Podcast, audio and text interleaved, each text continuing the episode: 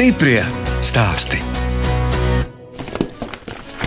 Tā ir sēklu kaste. Jā, sēklu kaste. Te ir gudmaņa cūku pupas. Tās man lienīti iesaulniecības no dūmēlas puses iedeva, un viņas senči viņas ir audzējuši tās cūku pupas, un viņai ir saglabājušās. Tā bija tā runce. Viņa ēvažos dzīvo, un tad viņa iedeva savus lielos pelēkos zirņus sēkla vismaz no 1903. gada. Tā kā tie zirņi ir pārlaiduši Jā. visus šos gadus un saglabājušies. Auga izcelsmes vēsture uzrakstīta, saņēma mantojumā no vīra mātes un viņa no savas mātes no saldus. Jā, tas ir ļoti, ļoti svarīgi šajā gadījumā visām sēklām, kad ir šī izcelsmes vēstures pierakstīta. Tā stāsta Rūta Abaja, Kolkas un Dundagas sēklu maiņas punkta vēstnese. Es, žurnāliste Dāna Zalamane, šoreiz tikos ar bioloģi, kas iesaistījusies brīvprātīgā kustībā un vada vienu no sēklu maiņas punktiem kurzemē, kur vietēji iedzīvotāji dalās ar dažādu pašu audzētu kultūra augu, piemēram, pupu vai zirņu sēklām. Rūta apgūst arī permakultūras gudrības, ir certificēta dabas eksperte un piedalījās Latvijas dabas vērtību apzināšanā, dabas skaitīšanā. Viņa ir arī vidas risinājuma institūta pētniece un projektu vadītāja. Rūta Abaja bērnību kopā ar māsu un brāli pavadīja Kubalu skolā muzejā, jo tur strādāja viņas tētis. Kubalu skola bija pirmā zemnieku bērnu skola Dundagas mužā, un tajā par skolotāju strādāja rakstnieks Ernests Dinsbergs. Mēs tur zināmā mērā tagad tādu mazu mežonēnu uzaugām, tāpēc, ka apkārt ir mežs. Tad, kad mēs atbraucām, piemēram, pie vecās mammas te uz kolektu, mums diezgan kušināja, es atceros, tāpēc, ka mēs joprojām tādā pat manierē dzīvojām te pa sētu, tā kā visi kaimiņi te pat aiz žoga. Bieži vien jau ir tā, ka tajā, ko vecāki dara, iesaistās arī bērni. Nu, jums arī gadījās ar turistiem parunāt un kaut ko pastāstīt. Jā, viņam. nu, protams. Citu reizi sanāca, kad, piemēram, vecāki ir izbraukuši, un tad mēs vienīgie mājās, un tad mums tie turisti jāuzņem. Un bija reizes, kad es vadīju ekskursijas arī muzejā. Tad uh, mēs ļoti iesaistījāmies visas teritorijas sakopšanā, uzturēšanā, katru pavasaru, rudenī, krūmu talkas, lapu grābšanā. Nu, tas viss bija arī mums bija savulaik dzīvnieki, tur kazas aitas, tad tās mums bija jāgana. Lielākais varbūt kaut kādā brīdī bija trīs aitas un viena kaza. Un tad, protams, kaut kāds vistu bariņš un, un tītaru bariņš, bet tas tādos pašos 90. gadu sākumā, tad, lai būtu atspējs pārtikai. Un tad bija paliels kartupeļu lauks, protams, tur meža zvēri, un no tiem jāsargā. Principā bija uzbūvēts tāds kārtīgs žoks apkārt, bet nu, citurreiz, protams, kaut kāds briedis vienkārši pārlec cauri, nu tad neko. Joprojām jūs ar šo vietu esat saistīta, jo jūs darbojaties muzeja atbalsta biedrībā. Jā, nu, protams, ka tā vieta man ir ļoti tuva un mīļa, jo es tur esmu uzaugusi visu savu apzināto bērnību. Man liekas, tas ir kaut kas tik īpašs, ka man ir bijusi tāda iespēja tādā vidē un telpā ar tādu kultūra vēstures bagāžu uzaugt, kas varbūt citam vienkārši nav bijis dots. Bet joprojām mums ir ļoti svarīga tā vieta, un mēs atbalstam. Piemēram, pavisam nesen bija arī mājas kafejnīcas dienas, tad mēs ar šo biedrību arī tā skaitā es pati, mans brālis. Māma cepa pīrāgus maizes krāsnī un palīdzam arī to teritoriju, zināmā mērā uzkopt. Nu, tas, ko varbūt nevar uzreiz pašvaldība nodrošināt, tad mēs skatāmies, kā mēs varam kā biedrība atbalstīt. Un tas lielais, skaistais plāns būtu tas, ko arī tēvs sākumā bija iecerējis, un tur ir arī projekts uztaisīts, kā atjaunot pašu skolas ēku, jo, protams, ka viņai ir ļoti liela resursa nepieciešama, lai viņu saglabātu nākotnē vēl daudz paudzes uz priekšu. Un tur varētu patiešām demonstrēt to, kas viņa bija. Jo šobrīd tur ir tikai atsevišķas telpas, kuras var izmantot tādai muzeja demonstrācijas vajadzībai. Rūta abai mācījās Dundagas vidusskolā, bet mūzikas skolā abas ar māsu Māru mācījās spēlēt tētim uzdāvināto kokli. Manam tētim uzdāvināja etnogrāfisko kokli, ko trimdas latvietis Konstantīns Draunieks bija izveidojis. Viņam uzdāvinājis par to, ka viņš muzejā strādā un veic šo novadpētniecības darbu. Un arī Sofija Drauniece, tur tāda nozīmīga persona, kas bija bijusi skolotāja, un viņš grāmatu izdeva par to. Un tad viņš tika pie kokles. Un tad mans tēvs domāja, nu kā, nu tā neturēs vienkārši instrumentu tāpat vien. Un tad tā, tas instruments bija par iemeslu, kāpēc mēs ar māsu sākām iet Dundas muzikas skolā. Bija sarunāts, ka viena skolotāja speciāli mums par godu brauks mācīties koncertu kokli, lai varētu mūs mācīt. Un tad, kamēr viņa apguva, tikā mēs ar māsu vēl pabijām choreogrāfijas pulciņā. Pabeidzām Dunkas mūzikas skolā kora klasi, bet uh, paralēli tēvs bija sarunājis tepat Kolkā. Te ir Zintra Tauniņa, kas daudzus gadus māca bērniem koklas spēli, un mēs pievienojamies vienkārši ansamblim. No sākuma individuāli braucām vasarās pie dzintras vienkārši mācīties ansambļu repertuāru. Un tad reizē arī nokļuvām tur ar koklētā ansamblu uz dziesmu svētkiem. Tad mums ļoti iepatikās tā visa ansambļa spēle. Tāpēc mums ir abi šo specialitāšu bērnu mūzikas skolas izglītība. Pēc vidusskolas Rūta domāja par trim iespējamām profesijām - vēsturi, geogrāfiju un bioloģiju. Man nebija tiešām skaidrs, ko es gribu darīt. Un tad man ļoti palīdzēja īstenībā tajā laikā tas, ko man mamma teica vienkārši mēģini sajust, kā tu jūties starp tiem cilvēkiem. Vai tu jūties labi, vai tev gribās ar viņiem būt kopā. Tieši pie biologiem. Un tad man bija sajūta, ka es tā kā mājās starp saviem tiešām burtiskā nozīmē. Tad es nezināju, ka kolkā ir biologa prakses bāze, kur pirmais kurs brauc divas vai citreiz vairāk nekā mēnesis nodzīvojās. Protams, tā pirmais kurs vēl pa kolku, kur man viss tik labi zināms, un pasniedzēja tik labas attiecības ar visiem, un arī studiju biedriem. Tam tiešām likās, ka es esmu savā vietā starp saviem cilvēkiem. Tas, ko mēs žargonā saucam, ir baltie biologi un zaļie biologi. Un baltie ir tie, kas staigā laboratorijas apģērbā un pēta visu kaut ko laboratorijā, kas tur zem smalkiem aparātiem. Un tad zaļie ir tie, kas ir dabā. Bet tādas pavisam lielas lietas man arī nepārāk likās. Nu, tur, piemēram, nezinu, kokus pētīt vai kaut ko tādu. Pēc tās prakses tas atkal bija tāds pilnīgi nejaušs uh, gadījums. Ar pasniedzēju Valdemāru Spunģi. Tajā laikā sociālos tīklos dominēja draugiem LV. es uzaicināju pasniedzēju Valdemāru Spunģi. Viņam zem profila bija rakstīts vienkārši teikums, tur laižam kukaiņos. Un es tā joku pēc uzrakstu, nu, tā kā uzaicināju tekstā, ležam tais kukaiņos, un viņš tā šausmīgi nopietni bija to uztvērs. Viņš atraksta tādu lielu palēku, nu tā, tu varētu tagad šito pētīt, to pētīt. Nu, kad tu esi gatavs pievienoties, brauksim tur kaut kādā lauka izpētes darbā. Es domāju, nē, nu labi, es diezgan pārsteigta par šo piedāvājumu, bet kāpēc gan nevarētu jau pamēģināt? Un tā tas viss sākās. Nu, tā kā entomologi man tur paši kaut kā lēnā garā ievilka iekšā un pabeidz bakalauru, un man likās, ka nē, tas ir kaut kas par maz. Man ļoti gribējās to praksi vairāk, un tad jau nākamais līmenis bija maģistra līmenis, tad to es vēl izgāju. Un tad es vēl pamanīju, aizbraukt uz Helsinku universitāti, apmaiņas studijās, un tur arī vēl iepazīties ar entomologiem, pastrādāt viņu laboratorijās. Un tad, kad es pabeidzu studijas, nu, tad es domāju, ko man iesākt, tas bija tikko pēc tās ekonomiskās krīzes. Un tad es to vasaru pavadīju patās pie vecās māmas kolkā. Rūta abaja pieteicās praksē vides risinājuma institūtā, kur jau desmit gadus strādā kā pētniece un projektu vadītāja. Viņa piedalījās projektā par ķemeru Nacionālā parka skudrupītes atgriešanu vecajā gultnē. Projektēja, kā atjaunot iepriekš taisnotu upi, tā lai viņi atkal atgūtu savu dabisko tecējumu, un tagad viņi ir atjaunoti. Tā ir viens no tādiem, man liekas, fundamentālākajiem vai paliekošākajiem man darba rezultātiem, kad tagad ir upe atguvusi daļēji savu dabisko tecējumu, kur varēja, kur nevarēja. Viņš ir mazliet mainīts. Un kā to var darīt? Pirmkārt, tā ir ļoti rūpīga iepriekšējā vēsturiskā stāvokļa izpēte. Tur ir jāiesaist komandā gan hidrologi, hidroģeologi, gan tur uh, ņem palīdzīgā arī mūsu institūta attālās izpētes datus, lai modelētu. Arī dabā jāiet, jāskatās, kur vēl ir paliekas no tām liecībām, kas vēsturiski rāda, ka tur ir bijuši, piemēram, aluviāli aplūstošie meži, vai kur ir skaidrs liecības, ka tur ir bijuši palieņu zālāji studēt vēsturiskās kartes, meklēt dabā, kur ir, jo ir vietas, kur var ļoti labi atpazīt, kur ir tā vēsturiskā gultne bijusi. Un tad, kad visi ir vienojušies, nu tad nāk buldozers un roka. Tad jūs stāvat un rādat šeit. Nu, es jau vairs nē, tur jau bija citi, bet nu, pēc tā sākotnējā plānojuma tas tika arī tajā vietā īstenots. Tur pagāja kādi pieci gadi, varbūt pat vairāk no tās sākotnējās idejas līdz tam gala rezultātam. Un, protams, ka tur ir ļoti liela komanda ar cilvēkiem iesaistīta. Tas tikai viens no tiem.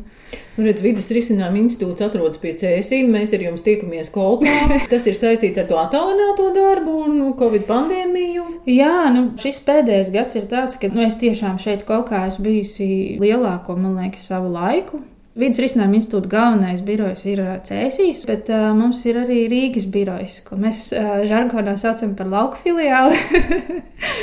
Pateicoties Covidam, tad tāpatās mēs visi strādājām no mājām. Tad es izvēlējos būt kolkā, tāpēc ka te es jūtos daudz labāk nekā tad, ja es esmu ieslogota pilsētvidē, kad visas citas arī brīvā laika opcijas tur ir atņemtas. Es tiešām arī izbaudu, ka es varu būt šeit. Un, piemēram, beidzās darbs, un es varu iet savā dārzā un darīt uh, savas dārza lietas, piemēram, kas man piepilda. Vai arī tāpatās aiziet pie jūras, pastaigāties ar suni un atpūsties pēc darba. Stiprie stāsti!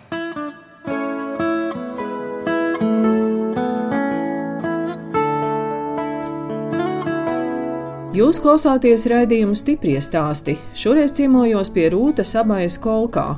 Rūta ir bioloģe un kolkas un dundagas sēklu maiņas punkta koordinātore. Katrā Latvijas reģionā izveidoti sēklu maiņas punkti, un atbildīgie koordinātori aicina iedzīvotājus vākt un nest uz sēklu maiņas punktiem pašu audzētu kultūra augu sēklas. Kad es uzzināju, ka tā ir arī tāds būtisks kultūras mantojums, jo, piemēram, mēs varbūt vairs nevaram nogaršot to senču rupmaizi, kāda viņa bija, tāpēc, ka nav vairs sēklas materiāls, no kur primāri tad viņi tika gatavoti. Mēs nevaram pagatavot tieši tā to ēdienu, tāpēc, ka tam izējas materiālam vairs nav tās īpašības. Un es to tā bišķiņi arī salīdzināju ar to, kā savā laikā Krišāns Barons vāca tautas dziesmas, tā tagad šī ir tāda kustība, kā mēs mēģinām atdzīvināt šo sēklu maiņas procesu, un varbūt pēc gadiem tā pa īstam cilvēku novērtēs, ja šī lieta aizies, kad mums ir saglabāts šīs savas vietējās sēklas materiāls, kamēr varbūt citur pasaulē tas būs jau citām tautām zudis, viņiem tā saikne ar to garšu, ko nu var caur to ēdienu izbaudīt un piedzīvot, būs zudusi savā ziņā. Rūta rāda divas kastes, kurās glabājas kolkā, dundagā un citās Latvijas vietās mantotās un lolotās sēklas. Mantotais kultūraugs ir augs, kurš ir vismaz 30 gadus, var izsekot viņa audzēšanas vēsturei, un viņš tepat Latvijā kaut kur ir ticis audzēts un no rokas rokā nodot tā sēkla, vai arī varbūt vienu vietu, visus tos 30 gadus audzēts. Jūsu pienākumi ir, lai šī kastīte pildās un lai to sēklu ir aizvien vairāk? Nu, es uz to aicinu, mudinu cilvēkus, lai viņi novērtē to vietējo augu sēklu un viņu unikalitāti. Pēdējo simts gadu laikā aptuveni par 90% ir samazinājusies kultūra auga daudzveidība vispār pasaulē, kas ir, manuprāt, ļoti dramatisks cipars. Un tas nozīmē vien to, ka šie augi, kur ir bijuši šeit uz vietas ievākti un audzēti, viņi ir ļoti labi pielāgojušies šeit lokālajiem vidas apstākļiem. Viņi ir noturīgāki pret dažādām slimībām, pret konkrētiem vidas apstākļiem. Un ņemot vērā to, ka arī pēdējā laikā diezgan strauji ir jūtams arī klimata pārmaiņas, tad visticamāk šie augi daudz labāk pārdzīvot šos mainīgos laikus, labāk spētu adaptēties vietas apstākļiem nekā tie, kurus mēs pārsvarā veikalā varam nopirkt tikai un vienīgi dažādu veidu importu sēklas. Vairums viņas visas ir nākušas no citām Eiropas valstīm vai pat vēl tālāk. Un viņas nav tik adaptēties spējīgas. Un vēl otra lieta, ka viena daļa no viņām arī nemaz vairs nespēja ražot auglīgas sēklas. Mēs nevaram ievākt atkārtot. Bet mūsu vecmāmiņas to prata, un mēs arī bijām daudz neatkarīgāki no tā, ko mums piegādā veikals. Bet mēs varējām nodrošināt paši sev to sēklas materiālu. Un vēl kas ir ar šīm veikala sēklām, bieži vien tādā lielā industrijā ir svarīgi, ka tam auglim vai tai ražai ir konkrētas īpašības, kas ir nozīmīgas ražošanas industrijā, bet tur bieži vien pazūd garšas nianses, smaržas nianses, kas mums katram, kā individuālam cilvēkam, ir atšķirīgs. Un varbūt man negluži varbūt tas tomāts garšo, ko es varu veikalā nopirkt, bet tas, ko es izaudzēju, mantojas esmu no vecmāmiņas, vecvecmāmiņas.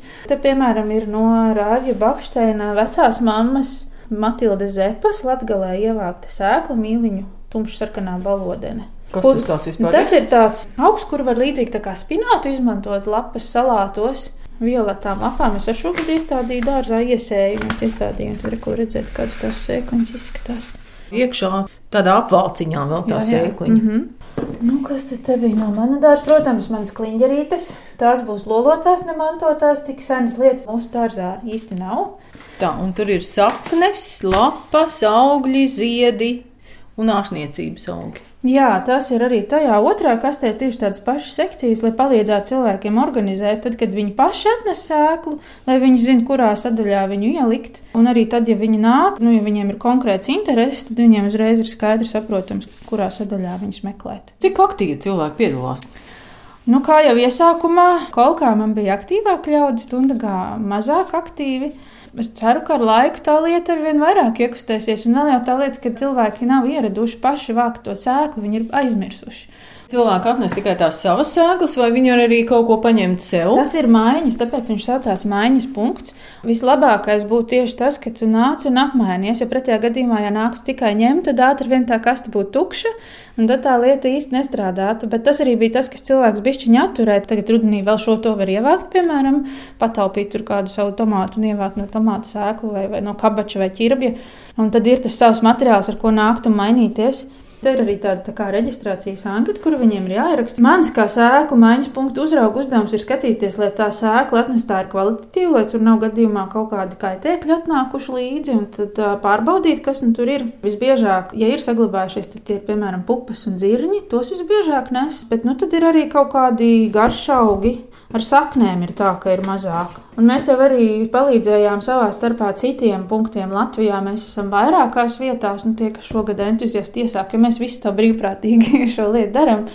Un tad, eh, ja mums kaut kas ienācās tādā lielā vairumā, kā piemēram eh, Lienīte iesaulniece atnesa tādu milzīgu maisu ar cūku pupām, un tās ir vēl pie tam mantotās, tad es arī padalījos tālāk uz citiem tiem sēklas maiņu punktiem Latvijā, lai tur arī ir tas sākuma materiāls, lai ir cilvēkiem jau ar ko mainīties. Vienkārši ir svarīgi izsekot, kur tas materiāls paliek, jo kur vēl ir tas labums, ja samainās ar to sēklu, nu gadās, piemēram, vienu gadu kaut kādu neražu apēdu kaitēkļu, piemēram, mājputni pēkšņi ieparās dārzā un noēd piemēram, pilnīgi visus zirņus, un tev sēklē nekas nepaliek. Tad ir ļoti labi, ka šajā reģistrācijas grāmatā, ja tas cilvēks ir iepriekš vai nu ņēmis no tā maiņas punkta, vai arī devis to savu sēklu, tad var izsekot, tad es zinu, kam paprasīt. Rūta Abāja ir daudzpusīgs cilvēks.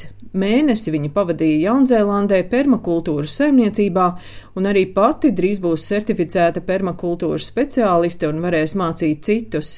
Lai gan Latvijā permakultūru vairāk izmanto mazdārziņos, Oktobrī Rūtas rīkotajā meistarklasē visiem interesantiem vietas nepietika. Rūta savā mazdārziņā rāda paugurdobi, kas izveidota pakava formā. Iekšā ir ielikti baļķi, satrupējuši vidū, tad apkārt izodarēts ar zariņiem, tad aplikts ar velēnu, tad liek virsū kompostu. Un tad var tur kā zāle izskatās pa virsmu. Tas ir pēdējais slānis, kuru laiku pa laikam es atjaunoju, tāpēc ka viņš sadalās, viņš arī satura mitrumu, tik ātri neizgaro. Un tad, kad viņu visu būvē, ir katrs slānis dušīgi jāsalēj, lai tur veidojās tie kompostēšanās procesi. Un tad, kas tur notiek tādā dobē, viņi, piemēram, man stāv vismaz 3-4 gadi, un nav nekas tur vairāk īpaši jādara, tad, kad viņi uzbūvē. Ja viss ir pareizi uztaisīts, tad arī diezko ravēt tur neko nevajag. Un tas, ko es iegūstu, es iegūstu to, ka man ir īstenībā daudz vairāk virsmas. Tas virsmas laukums ir lielāks, jo ir pacēlums.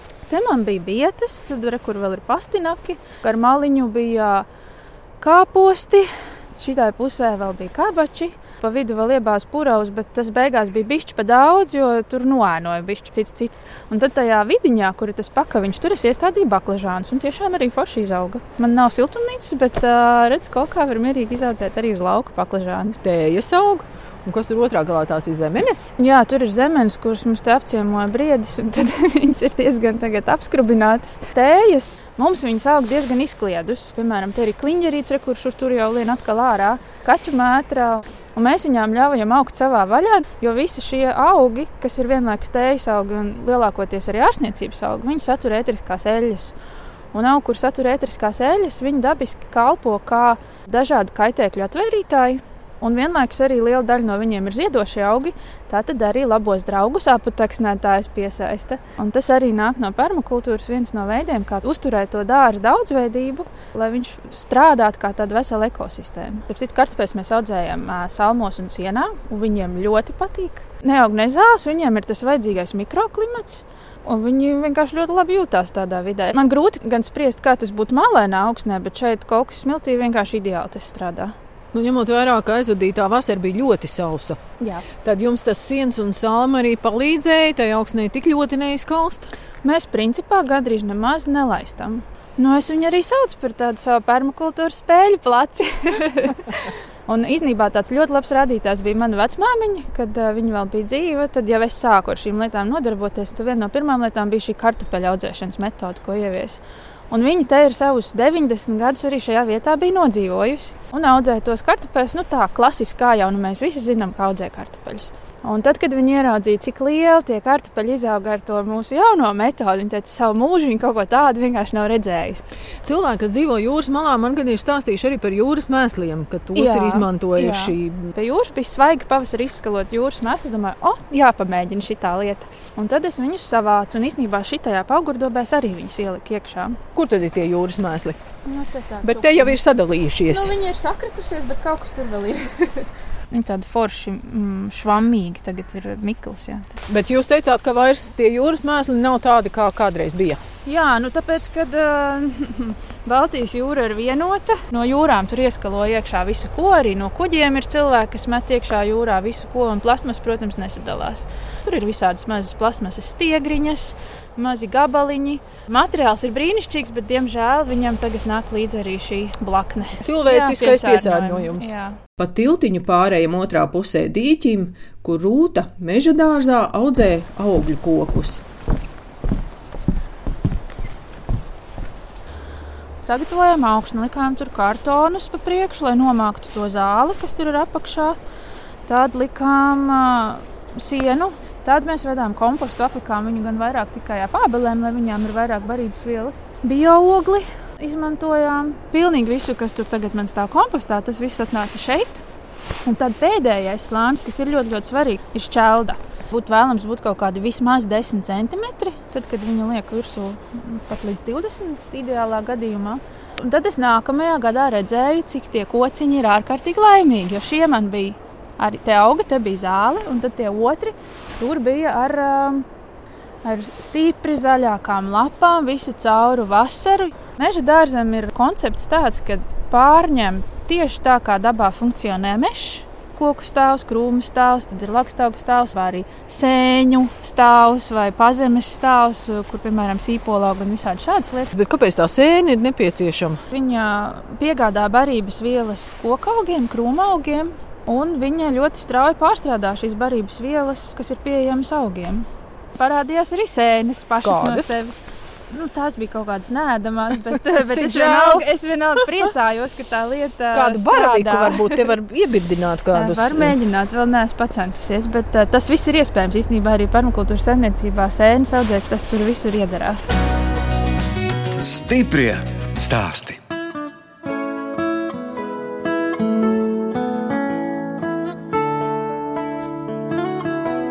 Skan redzējums stipri stāsti. Turpinot ciemoties pie bioloģijas Rūtas abājas kolkā. Viņas ģimene dzīvo dzimtas īpašumā, no vecmāmiņas mantotā mājā, kurzemes piekrastē raksturīgā koka ēkā ar skaistu verandu. Māja tiek pamazām atjaunota, bet dārzā kopā ar brāli Rūta izveidojusi dūmbūdu zivju kūpināšanai. Te bija mans vecais tēvs, uzbūvējis dūmbūdu, bet viņa bija ilgi, ilgi stāvējusi un nelietota, un bija bīstami viņu izmantot. Un ļoti gribējās saglabāt to tradīciju un iemācīties no manas omas brāļa. Kā tad šeit ritīgi kūpināja tās zivis? Tāpēc, ka tagad jau reti kur vairs ar to augsto, ilgo kūpināšanu nodarbojās. Un tad viņš mums arī iemācīja. Tās pagalītes liek apakšā? Jā, tur īstenībā tās pagalītes ir ļoti, ļoti maziņas. Tas smalkākā lieta ir visu laiku uzturēt tādu vāju, mazu uguntiņu. Un augšā droši vien uzliek metāla sietu, kur tās zivtiņas. Neliek, te ir dirbiņi saucamie. Kur uzver iesmiņi? Te uzver virsū, mēs te kopinām lestes, kā mēs saucam. Butes. Tas ir no lībiešu valodas, jā, ja butas, ja plekstes. Un tad no sākuma. Bet tas ir šausmīgs darbs, nu iedomājies augstā kūpināšana, cik stundas? stundas vismaz. Var saprast tādu veču meditāciju savā ziņā. Sēd visu dienu un ik pa laikam pieskati, un tad var arī parunāties par visu, ko var savā starpā. Ar rūtu sarunu par ģimeni turpinam virtuvē, kur blakus mūsdienīgai plītī atrodas arī malkas plīts un pie tās sīpola virtene. Izstāstiet, ko tad dara jūsu mamma? Viņa strādā ikdienā Ziemeļkurzemes biznesa asociācijā, palīdz vietējiem cilvēkiem attīstīt uh, savus biznesa idejas. Tur lauksaimniecībai, turismu virziens, tā skaitā atsevišķs virziens ir arī par zivsaimniecības saistītiem projektiem, lai laukos būtu dzīvība un cilvēkiem būtu atbalsts viņu uzņēmējdarbībai. Brālis arī Covid laikā strādāja no mājām. Tad mums bija tāda zināmā mērā ģimenes atkal apvienošanās pēc ilgiem laikiem, ka visi tik daudz laika kopā pavadījām. Brālis, tad Brālis ir beidzis Rīgas Tehnisko universitāti, elektronikas inženieru virziens. Viņš šobrīd strādā uzņēmumā Rīgā, kas projektē jaunbūvēs ugunsdrošības un ugunsdzēsības sistēmas. Un māsā, viņa mums ir tāds pasaules pilsonis. Jau vairākus gadus nobāzējusies Norvēģijā, Oslo viņa dzīvo un um, Latvijā pabeidz geogrāfus. Um, viņa ir studējusi gan Potsdamā, un Vācijā un apguva digitālo dizainu. Un tagad viņa strādā kompānijā tieši caur šo digitālā dizaina prizmu. Neskatoties uz daudziem darbiem un sabiedriskajiem pienākumiem, Rūtai ir arī vairāki vaļasprieki. Viņai tuvas ir pirtslietas un muzicēšana. Man darbošanās jau ilgus gadus mūzikas grupā Daba San, kur es spēlēju un dziedu. Es tur spēlēju jā, to pašu pirmo etnogrāfisko kokli, nevis koncertu kokli. To pašu, ko tētim dāvināja. Un kur šāda grupa mīt Rīgā? Jā, nu mēs esam saistīti ar Rīgas Tehnisko universitāti. Tas ir ar folkloru saistīts? Jā, mēs viņu devējam par postfolkloru, tādu modernu. Mēs mēģinām to vēsturisko kultūras mantojumu padarīt mūsdienu cilvēkam saprotamāku, uztveramāku. Mēs izmantojam tautas dziesmas, citreiz mazliet pamainām tā, lai viņas kopā veido tādu vienotu stāstu. Mums ir harmonika, mums ir ģitāras, mans brālis arī tur spēlē basģitāru, mums ir stabules, blokflautas, nu, bungas, protams, jā, ritmu instrumenti tāda normāla grupa. Man vēl ir tāds viens cits vaļasprieks, kas ir kalnos kāpšana. Es gadā man vajag aizbraukt uz kalniem pašai priekš sevis. Un es esmu beigus arī kalnu skolu. Un uh, par pārgājieniem laika ierobežotības dēļ es parasti reizes gadā uz kaut ko tādu piekrītu. Piemēram, šīs pašas šlīteres ceļotāja dienas, kas man šeit ir tūmā, un arī šo apkaimi pietiekami labi pārzinu. To pašu kaļķupas dabas lieguma teritoriju, kur man 18. gadā arī bija jāveic dabas skaitīšana. Tad, kad vecmāmiņa droši vien nomira un bija jādomā, ko ar šo māju kolkā darīt, jums tur bija tādas pārdomas vai pārdot? Nē, nē, mēs nekad neesam domājuši pārdot šis īstenībā ir vienīgais mūsu ģimenes īpašums, kurš ir apdzīvojams. Tāds bija arī iecerē manam tēvam, ka nu, kaut kādā brīdī mēs nobāzēsimies šeit, jo tā ir vienīgā vieta, kur mēs varam kā ģimene kopā sanākt. Un arī tā īpašā sajūta, tā ir mūsu dzimtes māja, to ir mūsu senčī cēluši, kas ir piektā paudze. Un tad tā piederības sajūta ir ļoti īpaša. Laikam atbraukt uz kolku un nepavaicāt par lībiešu saknēm, tas arī nebūtu īsti pareizi. Bet kā ir rūta, ir jums tās lībiešu saknes? Ir gan, un nu, no mana tēva puses senči ir nākuši no šīs puses, vai arī bija saiknē ar Sāmsalas igauniem. Un mana vecā mamma, viņai pirmā valoda bija lībiešu valoda. Man ir arī savs lībiešu tautas darbs. Bet no tā lībiskā Kaut kas arī jūsos ir no, nezinu, raksturā. Kaut kāda spītība jau droši vien, ir. Piemēram, ja es paskatos fotogrāfijas, tad uh, man liekas, ka man sejas panti ir diezgan līdzīgi. Nu, tur sasukāta matus tāpat kā manā vec, vec. Viņa ļoti līdzīgi varētu izskatīties attiecīgā vecuma posmā es nevarētu iedomāties savu uzturu bez zivīm. Tas ir kaut kas tāds, kas man liekas, ir ļoti man svarīgs. es varu mierīgi iztikt bez gaļas, un es viņu principā arī nelietoju, bet bez zivīm nē.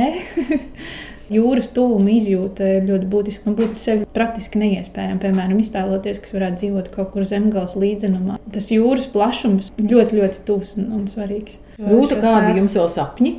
Nu, man sapņi ir, protams, nobāzēties kaut kur un veidot savu ģimeni. Nu, protams, nu, tādi lielie mērķi nu, iedvesmo cilvēkus jau uz šo sēklu maiņas kustību, ka viņi ierauga, novērtē un, un sāk tam pievērsties. Tas būtu viens ļoti skaists virziens. Otrs skaists virziens, protams, būtu atrast to līdzsvaru, kā pastāvēt mums, kā sabiedrībai, ar visām mūsu mūslaiku vēlmēm līdzās dabai, un nekaitēt viens otram. Tas ir tāds nu, mans profesionālais virziens, kas ir ārkārtīgi izaicinošs, tāpēc ka tas visu pasauli nodarbina. Tur viens nav cīnītājs, bet katrs var savu roku pielikt, dzīvot aizraujoši un piepildīti.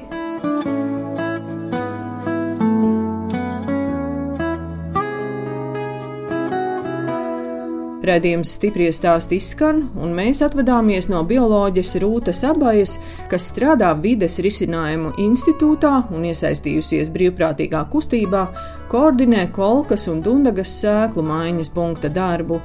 Rūta būs arī diplomēta permakultūras speciāliste un teorētiskās zināšanas jau izmanto savā ģimenes mazdārziņā Kolkā. No jums atvedās žurnāliste Dāna Zalamane un operātore Inga Bēdelē, lai tiktos atkal tieši pēc nedēļas.